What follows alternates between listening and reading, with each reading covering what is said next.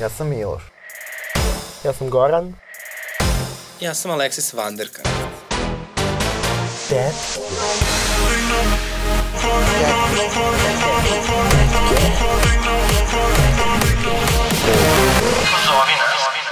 Ukoliko ste doživjeli nasilje ili diskriminaciju motivisanu homofobijom ili transfobijom, možete prijaviti na www.dasezna.lgbt.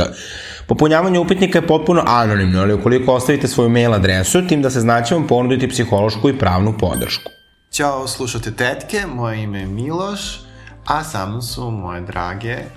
Aleksis i Goran. Kako ste, drage? Pa evo fino guram. Kako si ti, Aleksis?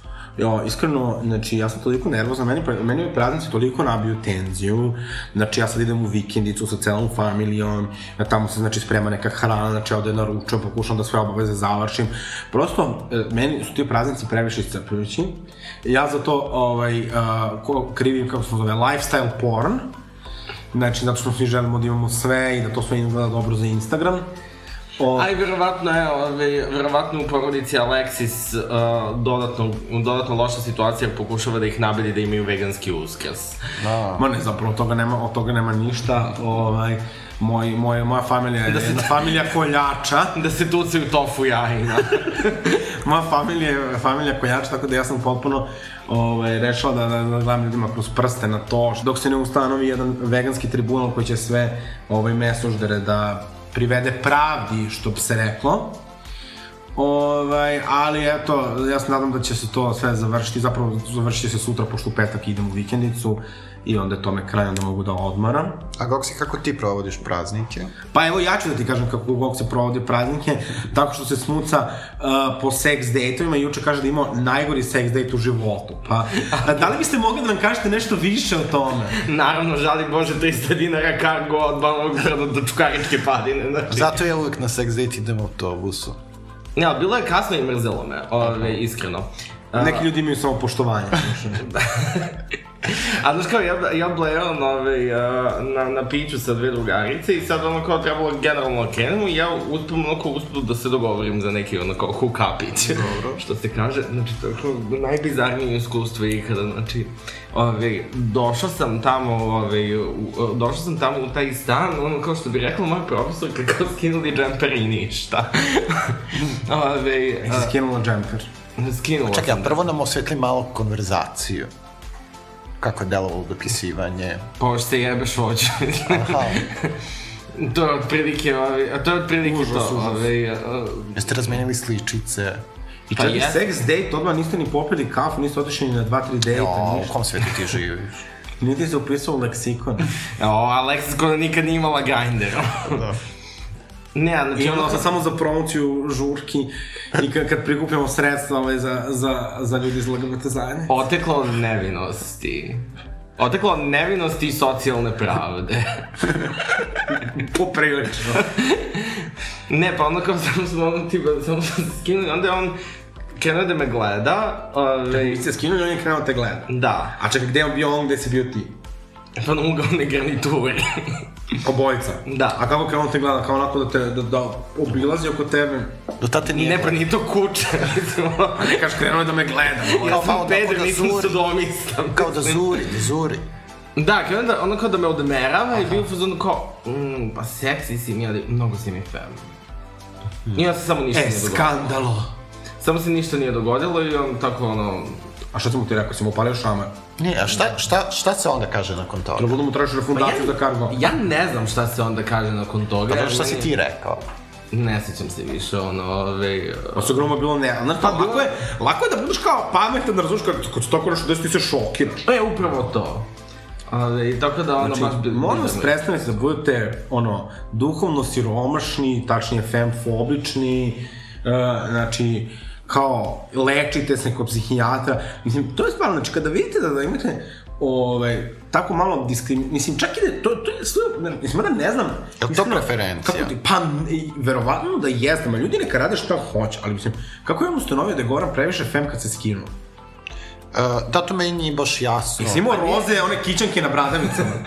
Pa ne, nije ti to ono kao, uh, nije ti to ono kao, mm, skineš se pa ono kao shvati da si, da si ti fem, nego ove, ona, onako kao k, uh, krene onda razmišlja o tome, pa, pa ovim je mnogo fem, pa možda i nije, pa možda i jeste, i onda sam u jednom trenutku odluči, ej, ipak si mi mnogo Dobro, nije trebalo da se venčate, nego da imate seks. Mislim, ja sam milion puta tako kao, shvatim da sam se nešto malo zajebala u proceni, šta ne radiš, mislim, bolje to nego da se neko osti loše zbog tebe.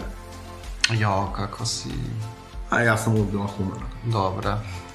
Pa, ne znam. E, mislim, šta ja znam? Ali, ne, ali znaš što je, moj, mislim, moj zaključak iz ovoga je to užasno, sad kao treba se pripremiti za takve situacije, ali uh, kada već vidiš da A imaš... dobro ta- sad, mislim, kao užas, mislim, nisam ja ono kao bacila prvu ciglu na Stonewall, ono kao nije se Pa sad meni- dogodilo, ne znam ti ni ja šta. Ali znam, ali zato što si ti u pitanju, zamisli da je u pitanju neko ko ima recimo 5 godina manje, ko je manje sigurno u sebe, znači mi moramo da razmišljamo o Da, to tome jeste. da ti uh, jesi nadprosečno osnažena uh, LGBT osoba, fem, peder i tako dalje. Postoje ljudi koji to nisu. Da što bi rekla ja, ja, moja drugarica, ja sam emancipovani homoseksuala. Ja se sećam, znači sebe, recimo, negde u četvrtoj, trećoj, četvrtoj godini srednje, ja sam ovako govorila kao, da ja ne želim da budem fem, ja znam da to nije ništa loše, ali ja sebe tako ne vidim i zato želim da poradim na tome. Zamislite vi tu autohomofobiju, I onda hvala Bogu pederima i tome što smo se zvali međusobno tetke i pričali u ženskom rodu, jer mi ništa nije osnažilo moju a, feminiziranost kao to. I meni je ranije to smetalo kod starijih pedera, zato što su oni to voleli isto da rade, da pričaju o ženskom rodu. Ja sam bio super. potpuno van sebe ranije, ali evo ko bi rekao da sam... Da, ne, meni je to bilo super. Znači, mene je to najviše osnažilo. Često imao neke drugove pedere, mislim, ovaj, nije ni bitno kakvi su, ali hvala im na tome. I bukvalno mi su tako išli u kafanu, prekrstimo nogice, pričamo malo o ženskom rodu, kao lo- ložimo se. I kao, mene to osnažilo. I kao, mislim da je to važno. A onda sa druge strane, razumeš, kao, ja kao klinac koji je kao prirodno fem ceo svoj život, i ko mi je uvek, ono, ne znam, babo mi je govorila, nemoj da vrtiš dupe, to, ne, ovo, nemoj ono kao, ja sam kao hteo da promenim nešto što uopšte nije bilo loše kod mene, ni po koga, i što jeste bilo deo mene, znači nisam kao, znaš, ti jedeš previše slatkog, pa ne treba da jedeš slatko zbog svog zdravlja, ovo nema nijedan razlog da promeniš, to je neka tvoja ono osobinica, koja nije ni lepa ni ružna, nego to je što je. Da, bukvalno postoji. Ali ne znam, moje iskustvo je recimo drugačije. Ove, uh, ja i kad sam ono osvestio kod sebe da sam gej, Uh, ja nikad nisam bio u fazonu kao, e, ja se ponašam ovako ili ja se ponašam onako, ja sad to treba da promenim ili ne treba da promenim. Baš mi je nekako, od početka mi je bilo jasno da ove, biti gej ne znači ono kao popuniti formular, kao, ove, e, ja sad kao moram da, ne znam, volim Madonu, moram da volim Lady Gaga, moram da se ponašam Nego? ovako, moram da se ponašam onako. Neko mi je baš bilo, u- ba, baš sam bio u fazonu, ok, kao ako potpadam u neki stereotip, u redu, Ove, ako ne potpadam, i to je isto okej. Znači, ono, ja kao gej mogu da se zanim, zanimam za modu, ali stvarno ne moram. Meni Stefan Špravo kaže, ako ukucaš basic gay guy na Google images da će da iđe moja slika. Ne, ti si ono kao basic NGO peder. A, ja se izvinjam, posle ove kratke pauze, Gorana više neće biti u tetkama. Bip! Vraćamo se u program, Goran je morao da nas napusti zbog nepremostivih razlika i evo u scenariju sledeća tema Dragan Marković Palma. Oh. Dobro, Goran je ipak tu. Evo, Dakle, jedan Alexis mi je oprostila. ikona domaćinske tradicionalne Srbije i homofobična ikona Dragan Marković Palma. Ikona porodičnih vrednosti. Tako je, i e, najpopularniji stranac u Hurgadi, zašto ima i Oscar popularnosti da dokaže, o, da to i dokaže, ovaj, je optužen za podvođenje maloletnica i pedofiliju. I ta priča je zapravo poprilično eksplodirala u, u javnosti ovih dana, zahvaljujući Mariniki Tepić. Ili možda zahvaljujući tome što se vozio sa mnom i Milošem uh, u avionu. Sigurno zbog toga, da. Mora da je to. A sad, ove, uh, E, Pazite sledeći put koga snimate. A znaš kao, ovaj, uh, što se tiče te priče, ja se ne mogu da kažem kao, e, to se desilo, to se nije desilo, kao ne znam, Da. ali, ali, ovaj, mislim, uh, neki moj ono kao unutrašnji osjećaj je, ovaj, bukvalno kao, mislim da su sve optužbe istinite. Pa ne samo to, nego uh, to kako se Palma ponaša isto, znači, Uh, znači, mi to, to vidimo, recimo, vidimo i neke paralele sa Jutkom. Znači, imate, znači, Palmu uh, koji je optužen za to što je optužen, imate Jutku koja je optužen i onda kao sad se najavljuju neke žene koje to kao podržavaju. Ima ona poslanica jedinstvene Srbije koja kaže Dragana Markovića Palmu znamo od svoje 14. godine. I onda kreće da ga brani. Mislim, to ono, pa onda imate Miću Megatrenda koji Mislim, dobro, to kao ja Ga njega brani, znam... pa ga ne brani. To, ja A onda njega znam Palma- od 14. godine, mislim, ono kao to je super racionalizacija, ono. A ne, ali to je smešno, meni bilo više zato što je to rekla kao poznano Dragana Marković je Palmu poznamo svoje 14. godine, ali dobro. I uh, ono što mi je uh, najveći uh, indikator toga da, da ima tu neke istine, pored ovih svedočenja, je to što je on krenuo da preti SNS-u i rekao, ono, ja znam da uh, postoji snimak uh, te saobraćene nesreće u kojoj je neko nastradao i gde je kome bila glava, ko je vozio i bla bla bla, što sve ukazuje na ono što se desilo na naplatnoj rampi, a taj snimak se i dalje krije u suđenju, iako, mislim, već ne, ne, ne mogu da, da pričam detaljnije, ali znam da taj snimak odnosno ne, ne poznam, nisam dovoljno u temi da bi pričala detaljnije, ali uh, taj snimak jeste velika tema ovih dana u medijima, ima gomile nekih nelogičnosti, a snimak se ne pokazuje, dok recimo Vučić kaže da je on snimak video. Znači, i sad onda Palma sad tu nešto preti, da ako njega kao izdaju, da će i on kao da izdaju, znači što nama implicira da zapravo tu, znači, neki ljudi kriju drugi ljudi. Sad je Palma čak i dobio krivičnu prijavu nekog udruženja za zaštitu zakonitosti, tako nešto, ovaj, pošto nešto zna ćuti. Ovaj, ali ja sam čuo da sada žene iz gradske uprave kao valjda tuže Mariniku Da, da, pa to, to kažem, to, to je ta paralela sa Marijom Lukić i Jutkom i Marinikom i Palmom, gde sad opet izlaze kao neke žene, kao da duže, a okej, onda ti verujem. Pri tome ne izlaze čak ni kao žene same, nego kako su se, kako su se dogodila, kako su se dogodile te optužbe, izašla je Palma, bukvalno dva dana kasnije da kaže da će žene podneti krivičnu, krivičnu prijavu protiv Marinike Tepić. Da, i one dolaze, znači to je dosta Znači, simbolično. sam način na koji je to sam Palma hendlo govori ono kao, brate, kriv si kukuća. Da, simbolično, znači one dolaze kod njega u kancelariju da potpisuju tužbu koju on priprema. Znači to vidi se da je generisano od strane njega.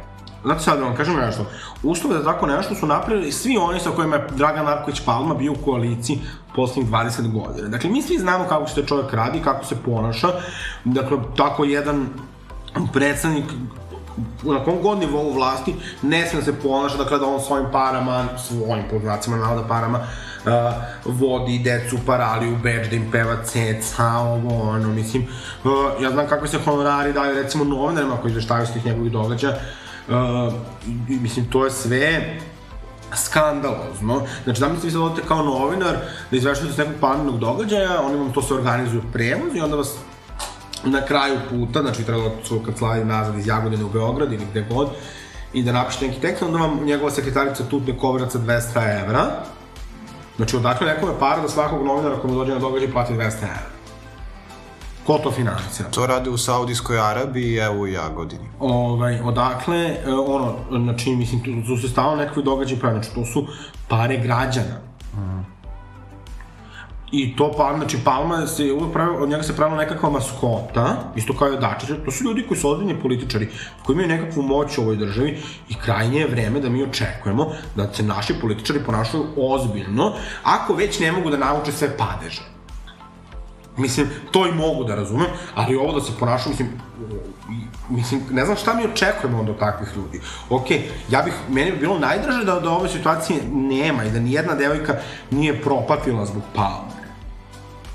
Ali što Goran kaže, mislim, imamo si neki int. Kad kažem, možda nismo u pravu i daj Bože da nismo, da niko nije morao da prođe kroz to. Mislim da to niko ne bi poželao sem narodne stranke koja se odmah nakačila na to, ali ovo je strašno. Nije, mislim, i ta iskustva tih žena su toliko potresna.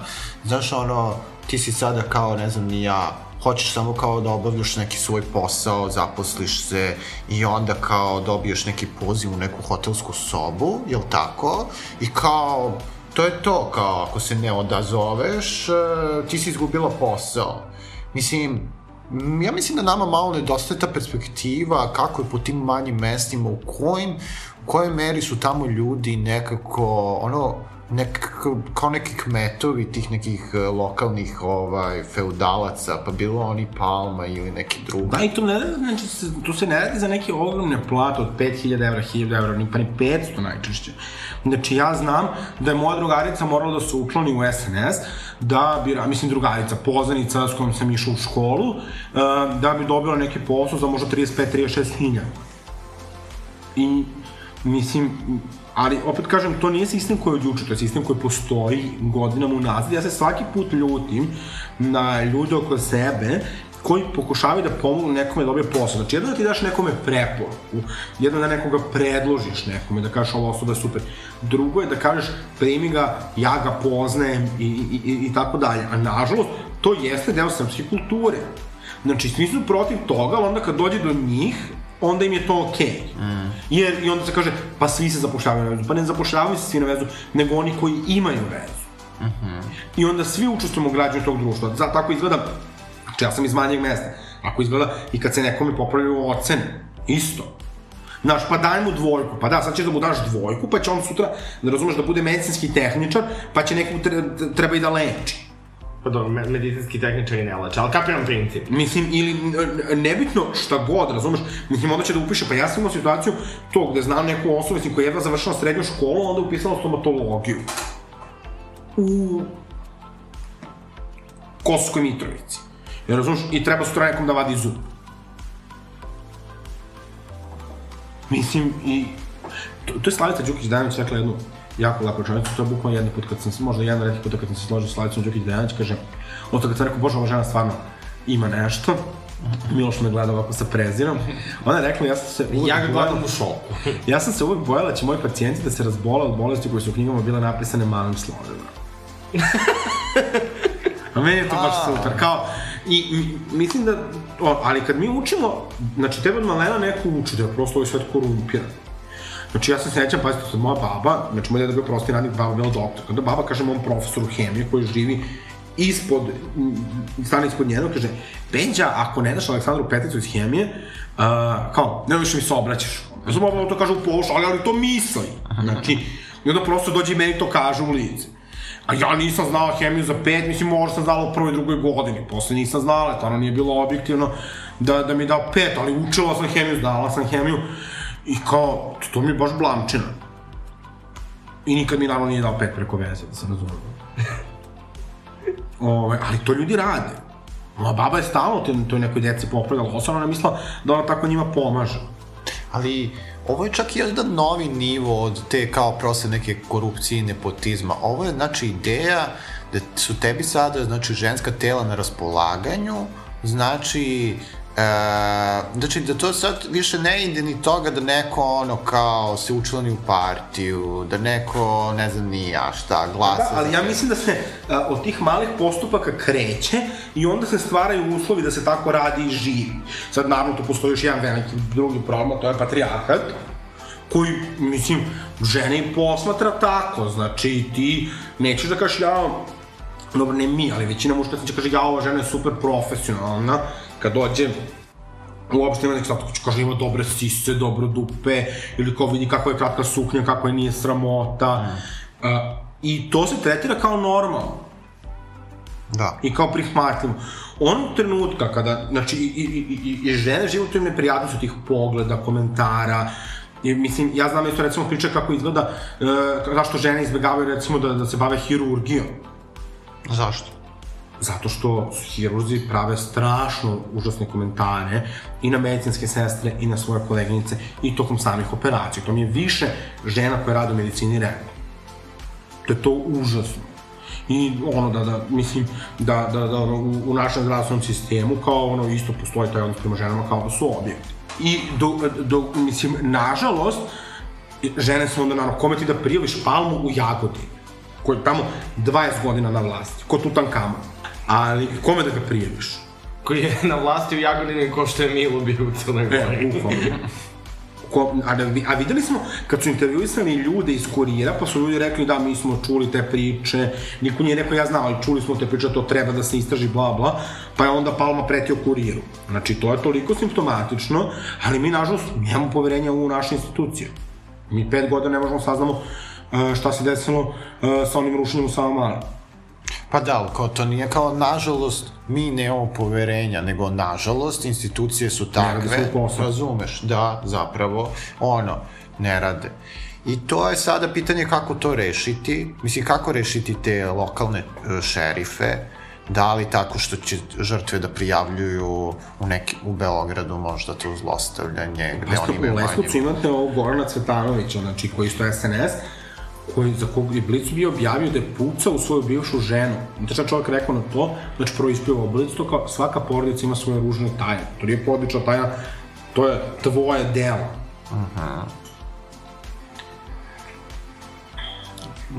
Nemam baš ideju kako to može da se reši, osim, ne znam, ni ja. Mora da se podiže svest u društvu, da društvo ume da osudi te ljude. Da. Znaš kako, nije prosto ni rešenje sada, znaš, ono, na prvu loptu bi bilo reći kao, pa uključite više žena, kao ne znam, ja u politiku i tako to. Ali šta ti imaš kada, na primjer, one sada uzimaju sada sve i potpisuju ili kako su ono izlazili ispred skupštine pa su se oni sve Evo Zorana šivali. Mihajlović koja kao sad tu nešto kao komentariše Mariniku, umesto da se bavi pravim problemom. Da. Znači, nije ti, ja bih rekao ovako, staviti feminiskinje na poziciju. Tako, Da. to bi, i feministkinje... Ali Zorana i Mihajlović bi sebe feministkinje. sigurno nazvala feministkinjom.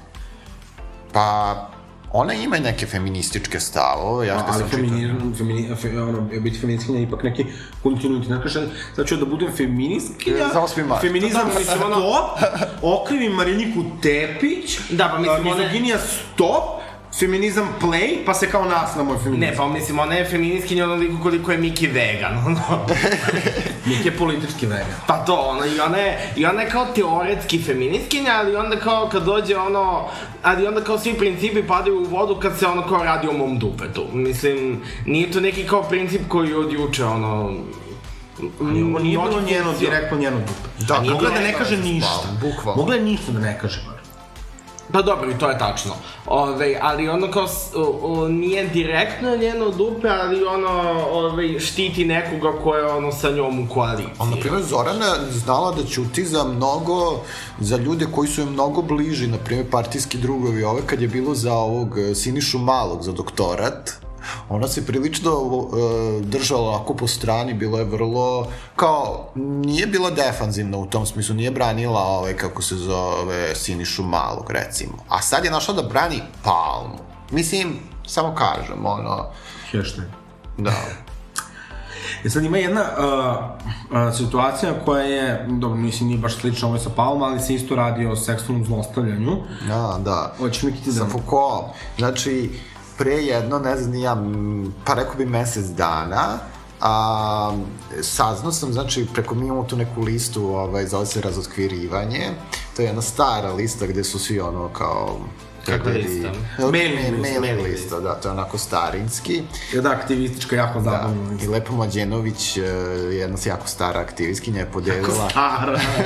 začetnica LGBT aktivizma, jedna od začetnica LGBT aktivizma u Srbiji. Jes, tako, začetnica ovaj, je podelila, znači, e, optužbu francusko-američkog profesora e, Guy Sormana, valjda mu dobro izgovaram ime, koji je optužio, evo, mrtvog čoveka Foucaulta, e, ovaj, da je uh, pedofil, da je bio pedofil i da je bio uh, takođe i silovatelj u intervju koji je dao za Sunday Times.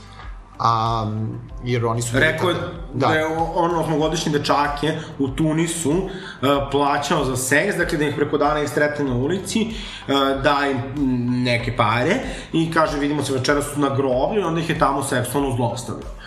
Uh, e sad, mislim, ta priča je baš odjeknula, a? Da, bilo je I tu se između ostalog koristi neka silna ovaj, argumentacija koja bih ja rekao, on je recimo Foucault je bio potpisnik apela da se u Francuskoj iz, izjednači uh, age of consent uh, između straight i uh, hetero parova.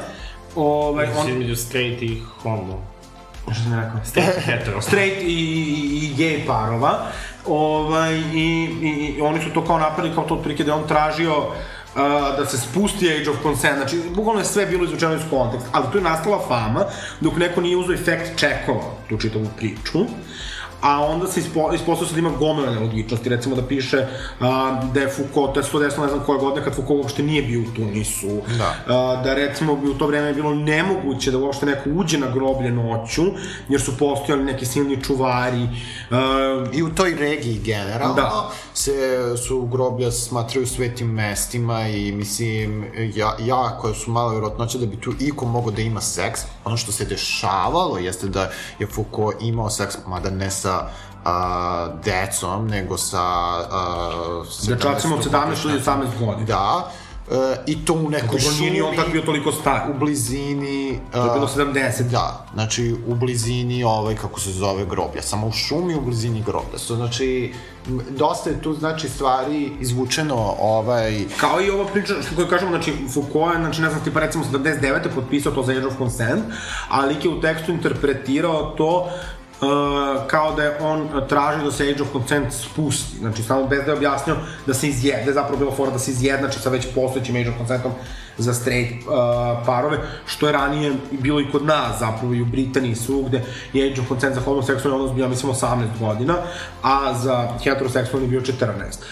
I, mislim, sad kao, tu je nastala, nastala čitava gungula, uh, mislim, čak, mislim je i, ovaj, su oni njeg tog lika predstavili kao nekog vrhunskog intelektualca, mada njegov zapravo, ono, objektivne rezime tako i ne govori, dakle, on je neki desničar, uh, koji je ono pro Margaret Thatcher i tako neki da. slični ljudi.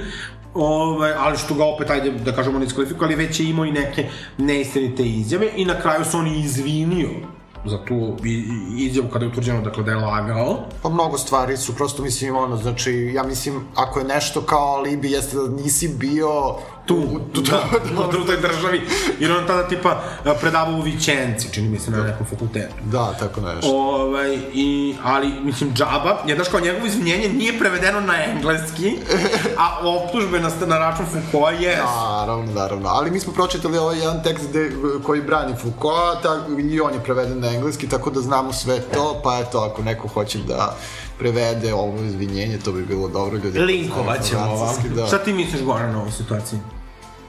Pa mislim, ono, uh, ne mislim mnogo, ovaj, uh, ono što me, ono što je moje pitanje jeste, ovaj, uh, mislim, kao taj, uh, kako zove taj francuz? Foucault? Ne Foucault, nego ovaj što ga je optužio. Um, da, da, da. Znači, uh, njegovo ime je Guy Sorman.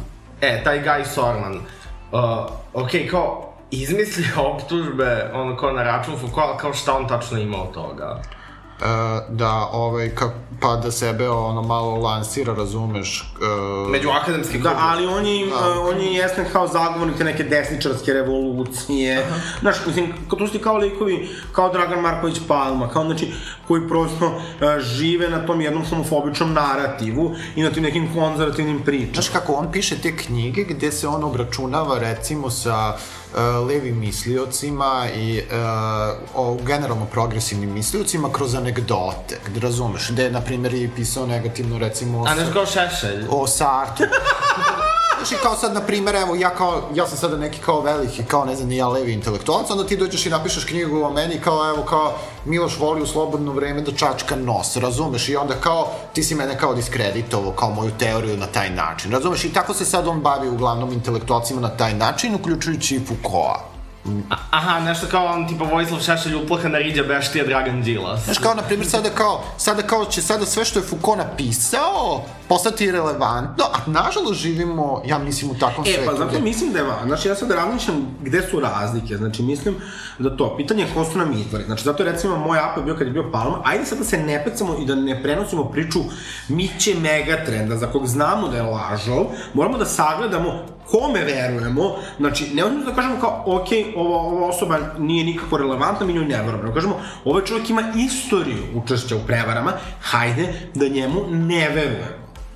Ili da ga, znači da se ispita to što je rekao, da I da bar ono kao ne uzimamo zdravo za gotovo sve što je rekao. Mislim E, I kao... hajde, znači ovde se radi o mrtvom čovjeku koji ne može da se izjasni, hajde da fact checkujemo to što je rekao. I onda ako ti sad kreneš, jer kao ozbiljan novinar, znači to nije na građanima preneto, nego na novinar, to je objavio The Sun, ja mislim.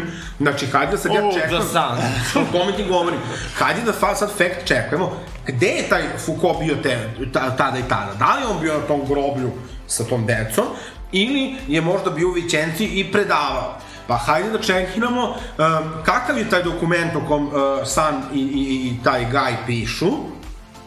Aha, znači ipak nije, okej, okay, znači ovaj čovjek ne zvuči kao relevantan, znači kao što postoji istina, znači to treba da postoji na globalnom nivou, znači neka trutopedija, ove, i da se meri prosto, pa da se vidi ko laže, ko ne laže. To ima recimo uh, u Americi postoji, zaboravim se kako se to zove, ali postoji za celebritije. Znači, za tekstove kao uh, portal koji uh, određuje istinitost uh, vesti u medijima, jer njihovi mediji ovo za naše nisu ništa po kolažu. Ovaj, znači, to, to nije to niko teško. Ja ne očekujem da sad kao, naš neki obični uh, građani sad ko to rade, ali moraju da postoje ozbiljni mediji. I na kraju krajeva, mislim da u ovoj eri kada dezinformacije ovoliko mogu da štete, uh, treba da postoje zakoni koji će to regulisati. Dakle, ne da pričamo o tome da li je novinarka neka prenela neistinito svedočenje. Ok, to će se možda nekad desiti. Bolje da nekome, da neko ispadne lažom, nego da neko ko za koga nismo znali ispadne silovat. Ali, hajde da se nekim ljudima koji kontinuirano lažu i dovode ljudi u narodu zabludu, ono, zapuše ustava. Uh -huh. Znači, ne da im se ukine sloboda govora i to, ali da se uzimaju sa rezervom.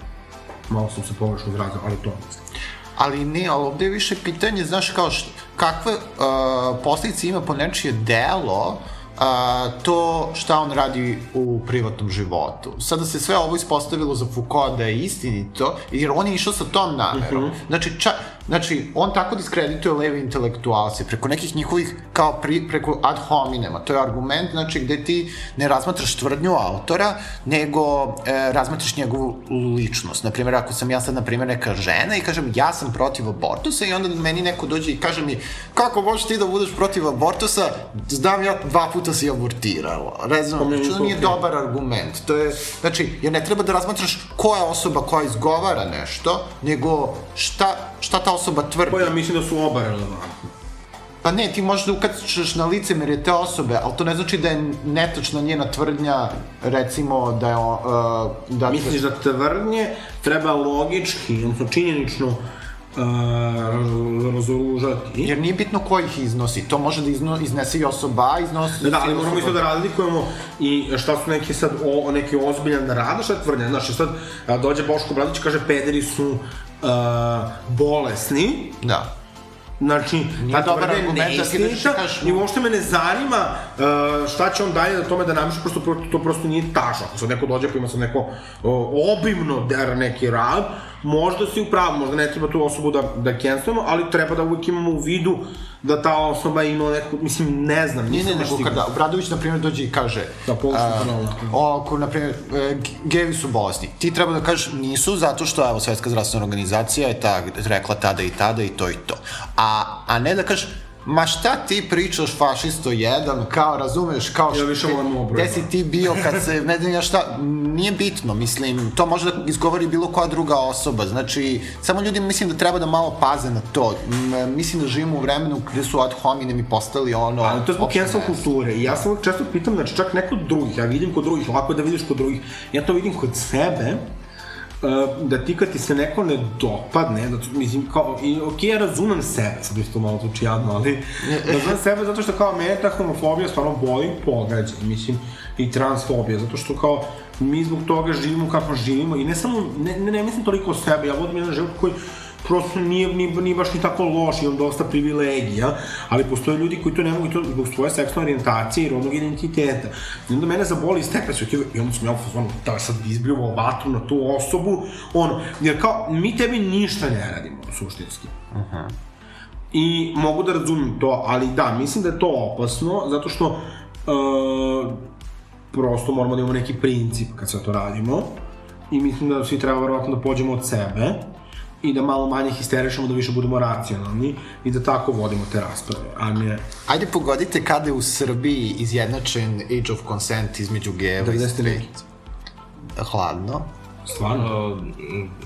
2012. A, između ta dva. 2005. U, jako vruće. 2006. Jeste. Tako da, eto, vidite, tek tada. A, meni nije, ne, nije logično 90-ih, zato što 90-ih je ove, tek... Pa ja sam mislio da se to sve džutuje. Tek dekriminalizovano ono, homoseksualno. Ja sam mislio da to sve džutuje. Da, da, da, prilično kasno, za ne mm -hmm. mislite? Ali dobro, ali i kod nas je nešto i kasno skinuto sa liste uh, mentalnih bolesti. Um, pa, aha, da, isto sa... Ne Uh, znam da li Pride negde ima, ali uh, Goran Miotić je radio super predavanje par puta na tu temu istorija homoseksualnosti. znaš kada? 2008. Da, da. Kod nas. Uh, I Goran tu super proučavaju kako se izgledala ta suđenja za homoseksualnost i kome se, ko, se, ko je tu bio suđen, kako, pa ovo jedan kaže kao ja sam to morao za pare, pa morao s drugog. Mislim, i tako, mislim sada da, mislim ne karikiram to Goran predavanje, pošto je fenomenalno. Ne, ne, ne, ono je jako dobro, ja sam ga slušao. Ne znam da li ima, možda ima, pro- proverite Pits Pod, imaju kao svoj podcast gde snimaju svoja predavanja i dešavanja, pa možda ima tu nešto, tako da to je topla preporuka. Toplo preporuka da poslušate predavanje koje ni ja ne znam gde da nađem.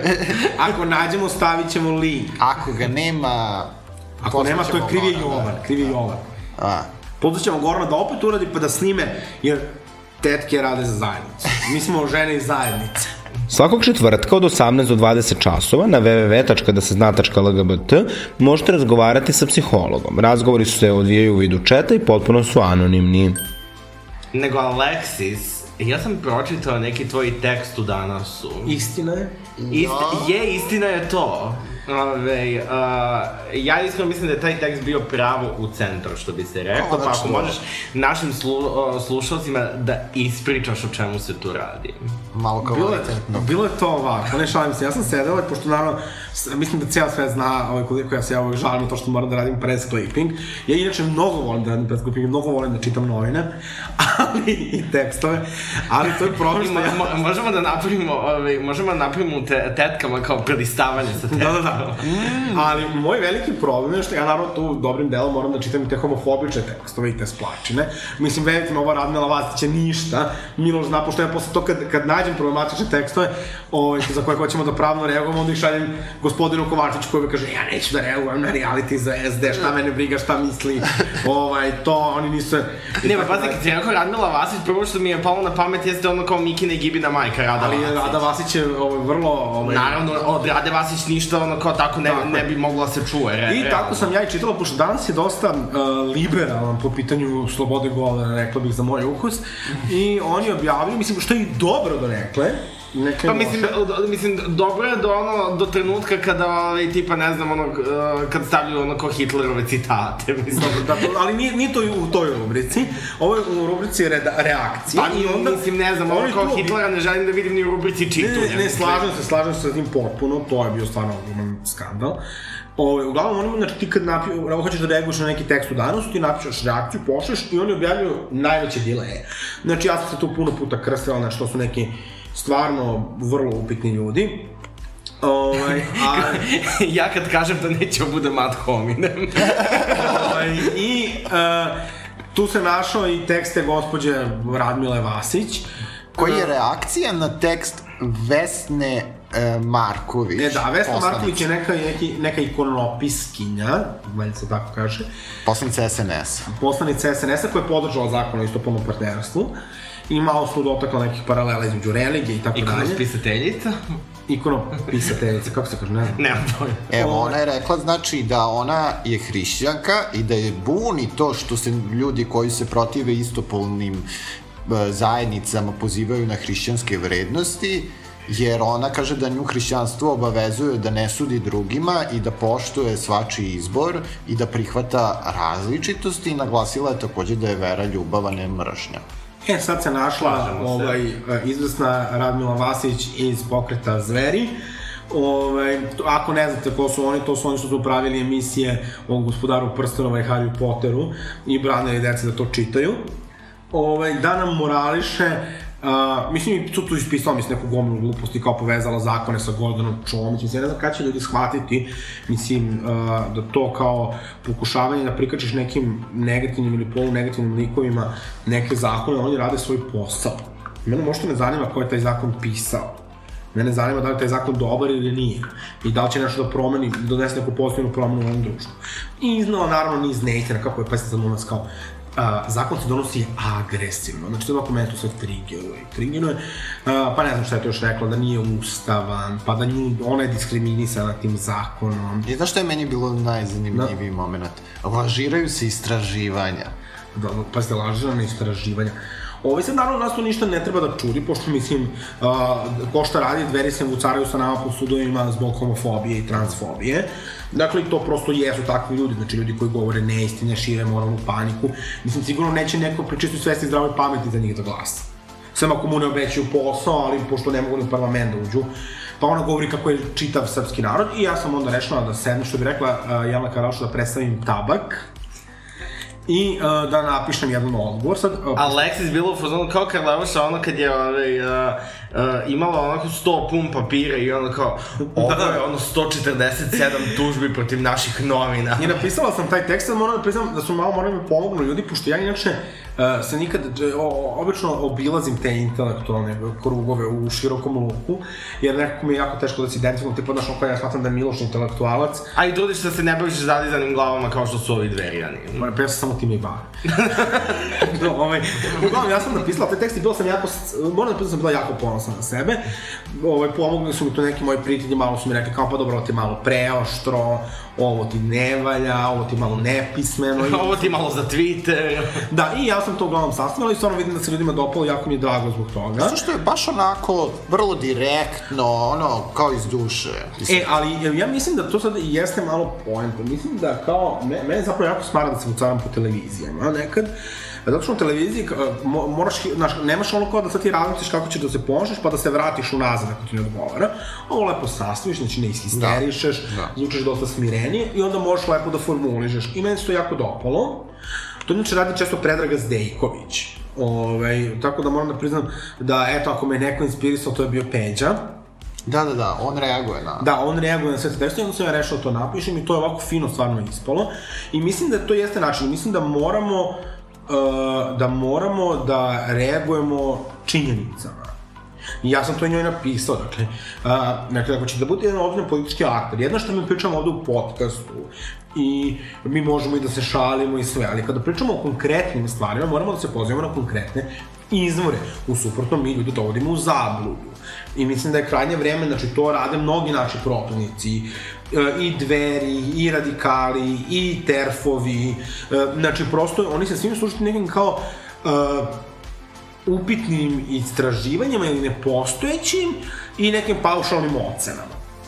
I ja sam joj rekao, gospođo, vi ako ste diskriminisani, izvolite, pa se javite nadležnim institucijama. Mi to isto radimo, valjda je to neki patriotski čin. Ako uh, mislite da LGBT zajednica nije diskriminisana, odite lepo na naš sajt pa pogledajte godišnji izveštaj. Znači, vi ono, ajde, ako hoćete stvarno da budete neki politički akteri, mislim, prestanite više da lupate gluposti, nađite nekog pristojnog pravnika da vam objasni i tako dalje i tako dalje. I mislim da, da to jeste važno da svi, da svi, da svi radimo i mislim da nekako nas tri to i, i radimo dosta na, na, na, na, na svojim platformama i da, da drugim ljudima približimo to, jer mislim da je važno kako vodimo dijalog, svi kao zajednica i kao građani ove zemlje, da ne dozvoljavamo da se spušta dijalog na taj nivo na koji ga oni spuštaju, sa nekim paušalnim ocenama šta je agresivno, šta je diskriminacija. Dakle, to su sve vrlo precizni termini i tako njima treba i da se govori, koliko sam se sad istrala. Ne, ja pokušavam da nađem a, Nisi se israla, Alexis, mi te volimo. istraživanje Sve si u pravu.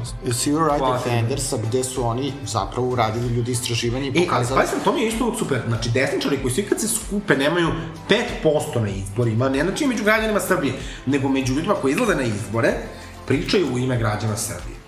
I kao nešto kao, pričaju kako je SNS, ovo je SNS, znači, Radmila. Znači, idi tamo na pijacu Čačak i bukvalno juri ljude da glasaju za tebe, pa se onda javi kada uđeš u parlament. Nego si ušla u parlament zajedno sa, sa Sandom Rašković-Ivić, Koji ono i Boš pomozi. bukvalno, i to je na jadite jade.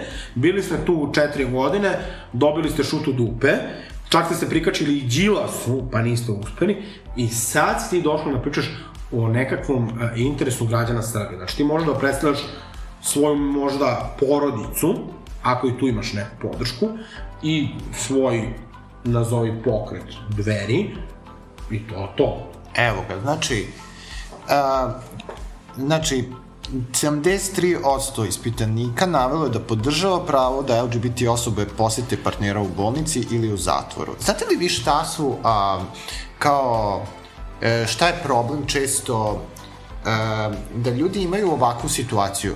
Znači, e, kada ti njih pitaš, volite li svoj posao, oni kažu da, volimo. Razumeš, tako uopšte.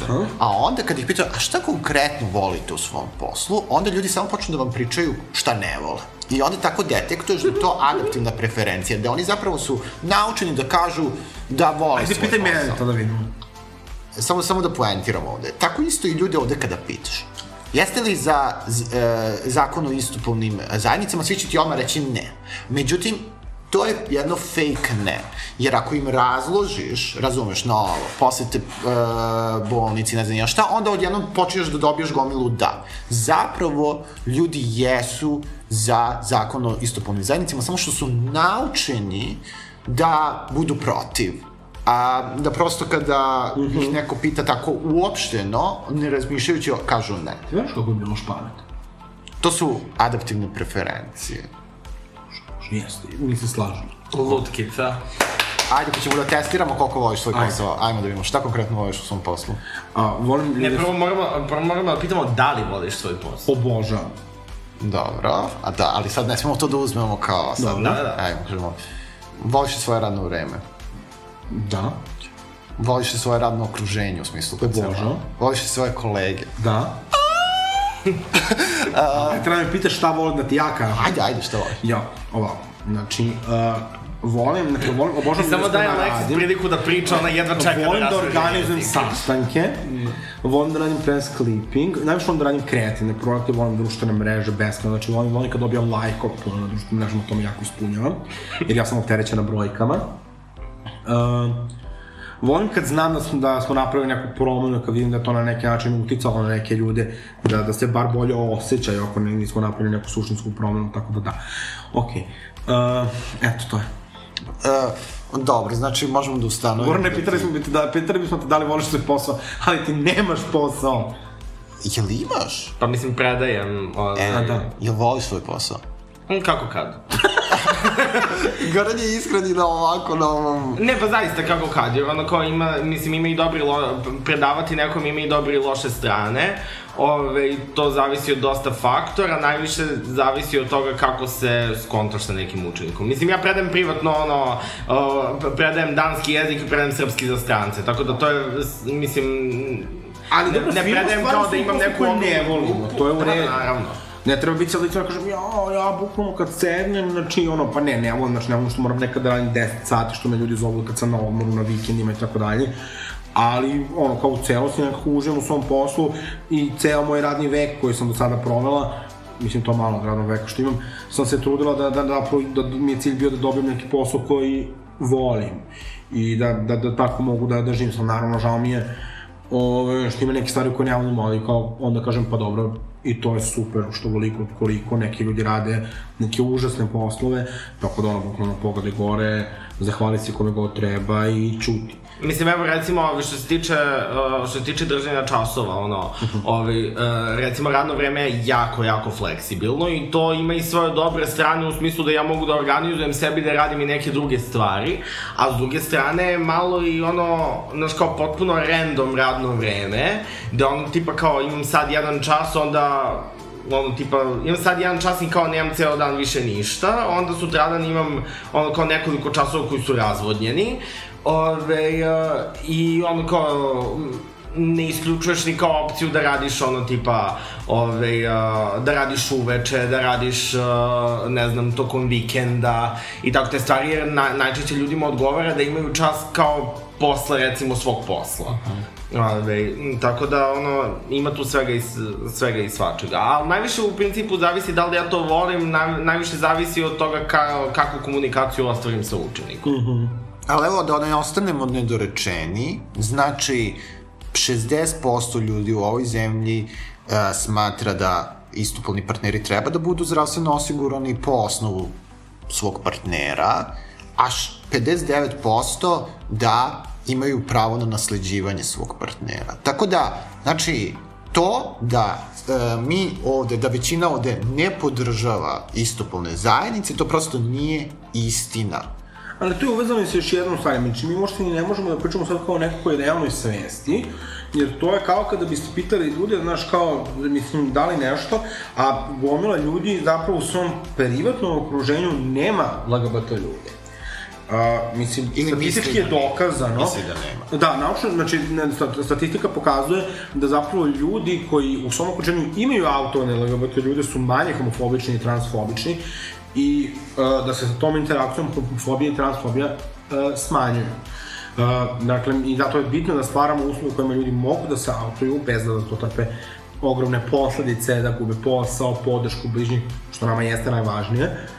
Uh, Da, to kao recimo, to me podsjeća na, ovaj, um, um, uh, to sam baš gledao nek, ovaj, nekakve statistike za Dansku, uh -huh. ovaj, što se tiče uh, podrške kao političkim partijama.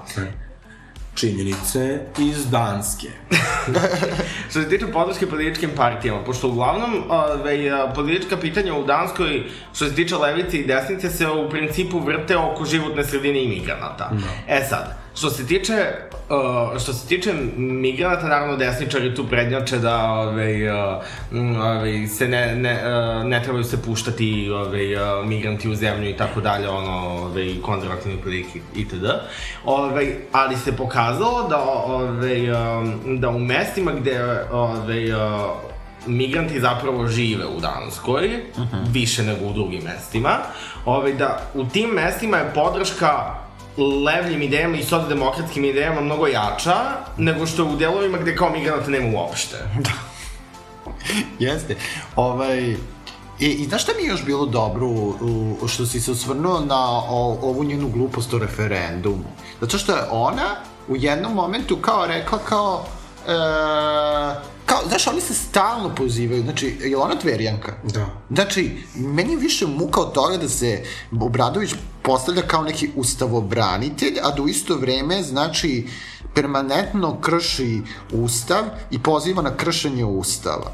Znači, oni, selek, oni su selektivni Ne, ustavobranitelji. nego oni prave narativ koji njima odgovara i dovode narod u zabludu, zato što to njima odgovara i to priča o njihovoj doslednosti i principijalnosti, jer oni su spremni da, na, oni vrlo dobro sada već znaju, siguran sam u to, da po ustavu ne mogu, mislim da to, neću da kažem podbračal da ne promašim, um, ali znaju da to više nije po ustavu, jer im je hiljadu puta rečeno, I oni to nastavljaju da tvrde, zato što im to odgovara i oni će uvek govoriti stvari koje im odgovaraju. Njima istina nije važna. Jer isto tako ih to nije sprečavalo da budu u koaliciji sa pro-LGBT partijom. To ih nije sprečavalo da nakon što su ono gradili svoje neko biračko telo protiv Đilasa, onda dođu na stranu Đilasa, pa nakon što su bili protiv parade, onda su bili jedno vrlo kratko vreme za paradu. Pa imate isto Vojislava Šešlja koji je bio za zakon, Vladana Glišića koji je rekao, pa da, evo, mi smo sada videli da LGBT aktivisti nisu ništa strašno, da su ovde na paradi samo jedno lepo okupljanje, a onda je sad opet protiv. Znači, oni rade, znači, prosto oni svoje politike određuju na nekim jeftinim istraživanjima, na koja se pozivaju, a onda dovode do pitanja druga istraživanja koja zapravo imaju jasno propisane A, metodologije, kao- izvore i tako dalje. Deli su profesionalni cloud chaseri, oni ono bi... Uh, Pa koliko su profesionalni, najbolje govori njihovo biračko telo. Ali kao, o, o, oni bukvalno sve što će im dati publicitet, oni će to da zajašu. Mislim, ono, a najbolje ti daje publicitet, e, ništa ti ne daje bolji politički publicitet nego da ono, ove, nego da apsolutno najrandom pitanja postaviš kao referendumska pitanja, razumeš? Da raspišeš referendum za svaku glupost koja ti padne na pamet, razumeš? Ali onda na kraju dolazimo do onog mog zaključka, to je zašto se dveri i dalje nisu glasile po pitanju Palme? Da, znači uvek na kraju, ovaj, to je, ali... znaš- Gde je sada, znaš, kad ima dima, gde je sada brina o, o, o deci, o tradicionalnoj srpskoj porodici, o pravu na rad, o diskriminaciji. I tu dolazi do toga da su to bukvalno, da to je jedna, ono, jedan ljudski otpad.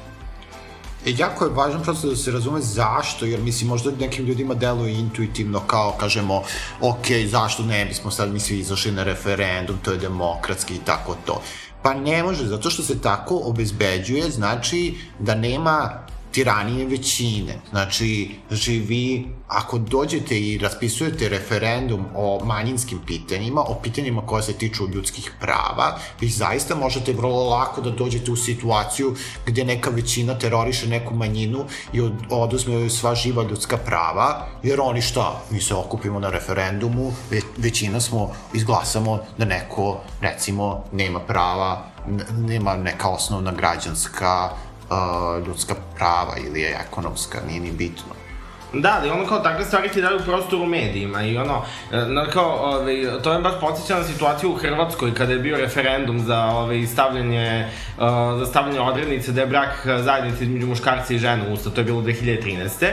I ovaj, najveća glasnogovornica od toga da treba se ovaj, unese ta odrednica je bila ona Željka Markić. Ona je pre tog referenduma bila ono kao najnebitnija osoba na ovoj planeti. Ono, znači, kao niko nije znao za nju. Ovaj, ona se tu ono kao šunjala po nekim kafićima. To bi rekla, na Vendi, ja ne znam ko te zvao i čime te pozvao. čime te dovezu. Upravo to. I onda, ovaj, znači, to je bio način da ona postane ono kao medijski relevantna i da, ovaj, ono, eventualno njena organizacija ono kao pokupi ono kao nekakve vatikanske fondove. Razumeš? Da, razumem. Ali zato te ljude treba demaskirati kontinuirano, dakle mi ne treba... Koji dođe- bendi rečnik, ona stalno Uh, govori kao... ali e, ljudi ne, se ne treba stalno, znaš, nikad kao svima da se raspravljamo, nego da kažemo, pa čekajte, hajde, isto kao, znaš, ono, mislim, toga ima stalno, znači, neke nedoslednosti kod naših političara. Dakle, je tebi stvarno stalo do ovog problema, do tradicionalne porodice, ako ti stalo da zaštitiš decu, što si pravio ono, a, projekcije na trgu Republike pre 10 godina nekih filmovima, filmova o jednom gej paru koji je zlostavljao svoje dete, A sada, kada imaš jedan niz u svojoj državi, ti ćuti, znači pritom to nije tvoj saradnik, to nije uh, tvoj koalicijni partner, to nije član tvoje političke partije, znači to je neko ko je u vlasti, a ti si opozicija i kritikuješ tu vlast. Nisi podržao ženu s kojom su do juče šurovali Mariniku Tepić, što ja vrlo zameram, koja sada trpi maltretiranje jer je, po mom mišljenju, bila hrabra, I To je to, ima, znaš, mislim, to, to. Ima još jedna stvar koja mi je tu isto jako gadna, to je Narodna stranka koja je pokušala da uhvati isto klaut na pljuvanu palmu, pa su onda isprintali postare posvećene palmi i stavili svoj logo ispod.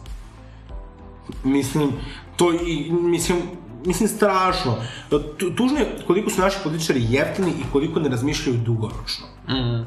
I mislim da to problem. Mislim da je to- prednost, recimo, opcija kao što ne dajemo Beograd. -huh. I mislim da je to mana svih drugih opozicijnih stranaka. Ne možemo da živimo, znači, politika nije od danas do sutra. Čak i da uđeš u skupštinu i posle toga ima nešto i posle toga ima izbora. Kada smo već kod zakona o istopolnim zajednicama, samo da se kaže da, znači, da je jedina uh, politička opcija koja podržava trenutno um, e, istopolne zajednice i podržava i usvajanje Ne davimo Beograd. I LDP. I LDP, ako još računamo kao političku opciju. Mm, Pokret slobodnih građana je podržao Da, mislim da se- zakon. Mislim da su nešto za usvajanje, ne, ne, ne, ja govorim i usvajanje. Znači, Da, jedina to bismo koja- morali da, da je pitamo pogled slobodnih građana, se može po tome nije odreda, ali mislim da to ne bi bilo sporno. Ja sam sada malo istraživao za neki tekst koji sam pisao o istopolnim zajednicama i pokret slobodnih građana je rekao da je pitanje usvajanja komplikovano. To su rekli pre par godina, za vreme Saša Jankovića. Mislim da je ovo bio novi Ne, tekst. ne, ja sad što znam, to možda su samo nešto citirali, ovaj, ali dobro, nije ni važno, ajde, ovaj, ali bitno je da se ljudi odrede eksplicitno prema tome na kraju krajeva. Ova epizoda snimljena je uz podršku udruženja Da se zna, Remarkera i regionalne asocijacije ERA. E sad, mi za vas imamo jedno ekskluzivno iznenađenje. U, Aleksić, o čemu se radi? A, dakle, 17. maja je Međunarodni dan borbe protiv homofobije, transfobije, bifobije i svih drugih fobija, jer što bi rekla Vendi, Tini Ivanović, ja ne znam koje su tvoje fobije, ali sulude su. I tim povodom ćemo zajedno sa nizom LGBT organizacija uh, hostovati delikatesni ponedeljak u Kulturnom centru Grad 17. maja od 7 do 10 uveče. Uh, dođite da kupite jeftinu dobru hranu koju ćemo vam servirati tetke i da se dobro zabavljamo, dakle, bit će tu svega, dakle, bit će i muzike, um, nastavit ćemo pričati, odgovarat ćemo na vaša pitanja ukoliko, ukoliko ih bude bilo. Goran će i zapevati Bože zdravlja. Tako je. I Hoće biti hrana veganska. biće i, i veganske opcije, naravno, dok je Alexis živa. Ove, I dođite da zajedno proslavimo naš dan, to će biti na otvorenom, uh, bit će lepo vrijeme. Ove, samo koliko se naravno nešto umeđu vremena ne promene. A i da moramo ne bude da- lepo, da, ne, i da ne bude lepo vreme, kad je tetkama to bio problem? Tako je, znači, mi ćemo kao na dočeku Putina da sedimo u kabanicama i da vam serviramo klopu. I eto, dođete da se lepo zabavimo i da prikupljamo sredstva za solidarnu kuhinju i da slavimo našu boru protiv homofobije, transfobije i drugih oblika fašizma. I, mislim, uh, da se razumemo, ovaj, uh, upoznaćete tetke. Da li vi kapirate koliko je to velika stvar? Autogram 100 dinara. Nije kao rođendanska čestika Teodora Džahverovića, ali bože moj. Ja ću da dajem džabe. Dobro, ovaj, Miloš uvek daje džabe. Za to će nam trebati grinder. ali, ove, dobro, nećemo naplaćivati autograme, ali samo da kažemo da ove, sredstva koje se prikupe ove, od prodaje obroka će ići solidarnoj kuhinji. Dakle, dođete u ponedeljak da se družimo, da budemo solidarni, antihomofobični, antitransfobični, antilesbofobični, antibifobični, anti sve što je loše. Rijana Anti. Bukvalno. Uh, I da upoznate Miloša. I Aleksis i Goksija. Ma nas već svi znaju. Aha, aha, aha. Pa dobro, sad kad si mi otvorila Instagram, red je i da se otvorim i ovako. Ja, zapratite Miloša na Instagramu. Došlo je vreme da... Meni da krene. Tako je. Ove, I meni da krene konačno. Ove, um, došlo je vreme da uh, zaključimo polako emisiju i da uh, se bavimo našom finalnom rubrikom, a to je Bravo ličnost. Ja sam svoju Bravo ličnost odabrao i mislim da će to biti Marinika Tepić, što se mene tiče. Ove, uh, mislim da je jasno, jasno zašto. Ove, sad, da li, da li vas dvojice imate svoju Bravo ličnost? Miloše? Jo, sve mi teže i teže da nađem pravu ličnost. Što? Zato što te svi razočaravaju u životu. Ne, nego zato što stvarno osjećam se kao da živim pod nekim kamenom, ja stvarno više ne pratim šta, šta se dešava. Ok, uh, evo moja brava ličnost uh, će biti jedna moja draga koleginica, draga kraljica, koja se zove Gottmik. Uh, Gottmik je inače bila učesnica 13. sezone Drag Race-a i van draga Gottmik je zapravo trans muškarac ovaj, koji radi drag što je vrlo jedinstveno i mislim da je to jedna vrlo značajna iskustvo i priča koju smo koju je kvir zajednica i ono, šira zajednica svim širom sveta mogla da čuje o jednom trans muškarcu koji se bavi dragom, dakle, što stvarno jeste, ja ne znam ni jednu drugu drag kraljicu koja, koja radi, koja je trans muškarac. Uh, Ovaj, I ona sad u Drag Race-u. Ona je ono. osvojila, ona je osvojila treće ili četvrto mesto u Drag Race-u, zavisno kako gledaš, pošto je ispala, bila deo top 4 i onda je ispala u polufinalu, ali je pričala o tome kako ni, uh, uh, je bilo jako teško da se identifikuje kao trans muškarac, zato što uh, je feminin, Aha. Ovaj, a onda je shvatio da zapravo kao muškarac ne moraš da budeš maskulin, da kao čak i kao trans muškarac ne moraš da budeš maskulin, nego da možeš da budeš feminin trans muškarac i da te interesuje moda i da te interesuje šminka i da te interesuje drag i tako dalje. I mislim da je to jedno dosta tipično iskustvo, koje je pritom prelepo zato što je on jako zabavna osoba uh, i, i u dragu i van njega i presladak je i zanimljiv, a pritom je fenomenalna drag kraljica i kao i meni to je jedno fantastično iskustvo koje je meni ostavilo prelep neki utisak i žao mi što nije pobedila. I recimo bio mi super moment zato što su neki ljudi imali problem da uh, je u, drag, u dragu oslovljavaju u ženskom rodu, su misle da će to su uvrdo nepogozdano kao, pa ne želim da budem kao iste druge drag kraljice, da. ne bežim od ženske zamenice. I mislim, da, drago mi je to da i u Drag Race imamo takvu jednu reprezentaciju, nam sad će biti više trans žena u Drag Race-u, pošto je RuPaul rekao da mu je uh, Gottmik promenila stav o tome. -hmm. Tako da, eto, nadamo se da će uh, i Drag Race koji je bio malo konzervativan da se sada više otvori ka, ka trans zajednici generalno. Njegov slučaj zapravo je dobar primer da ljudi vide, jer možda postoji neka konfuzija između toga šta je rodni identitet, a šta je rodno izražavanje. Da. Ljudi često ne, ne kapiraju tu razliku, a mislim da ovde mogu da skapiraju baš šta je razlika. Znači, da. on je trans muškarac, znači on se osjeća kao muškarac, ali je feminin u smislu femi. Da. Znači, to je rodno izražavanje, to što je on fem, a rodni identitet, to što je muškarac. Tako. Tako da, eto, meni je uh, Gottmik bravo ličnost. Miki se nije izjasnio. E, pa, ajde, izabrat ću Gottmika. Ok, znači... Ne Gottmika, nego Gottmik, nije muški rod. Ona je drag drag ime je Gottmik. Aha, nju onda, dobro, okej. Okay. Ok, znači bravo ličnost je Gottmik. Ali podrška, nežna podrška i za Marininku Jel nam Tepić. je to prvi trans muškarac? Moguće. A sigurno je prvi trans muškarac, da li nam je to uopšte prvi muškarac koji... Mislim da smo imali jednog muškarca, već smo to baš Nekada rekli. nekada nekog muškarca. U prošloj epizodi Rena. Popović. Ne znam da li je on izabran, od sad se više ni ne sjećam. Dobro, prelistat ćemo. Uh, molim vas, produkcija, da nam javite da li smo u nekoj od prethodnih epizoda imali za izabranu bravo ličnost muškarca. Znači, pravo ličnost za ovaj period od dve nedelje je drag, uh, drag kraljica Gottmik. Ove, uh, pa ništa, um, mi se slušamo za dve nedelje, do tada budite mi pozdravljeni. Ove, i, Budite volumizirani, feminizirani. Tako je. I Posebno na- feminizirani. I nadam se da ste lepo proveli ove praznike koji su bili pre, mislim, koji su bili nakon što smo mi snimili epizodu, a pre nego što je vi slušate. I nadamo se da je Nika Tošić pobedila u tucanju jajima. Iskreno. I želimo vam srećan 1. maj, da ga provedete borbeno Mislim ćeš kažeš radno. i zapamtite odmor, Više paradno nego radno. Paradno, borbeno, odmor je otpor. Uh, hvala vam puno, vole vas vaše tetke.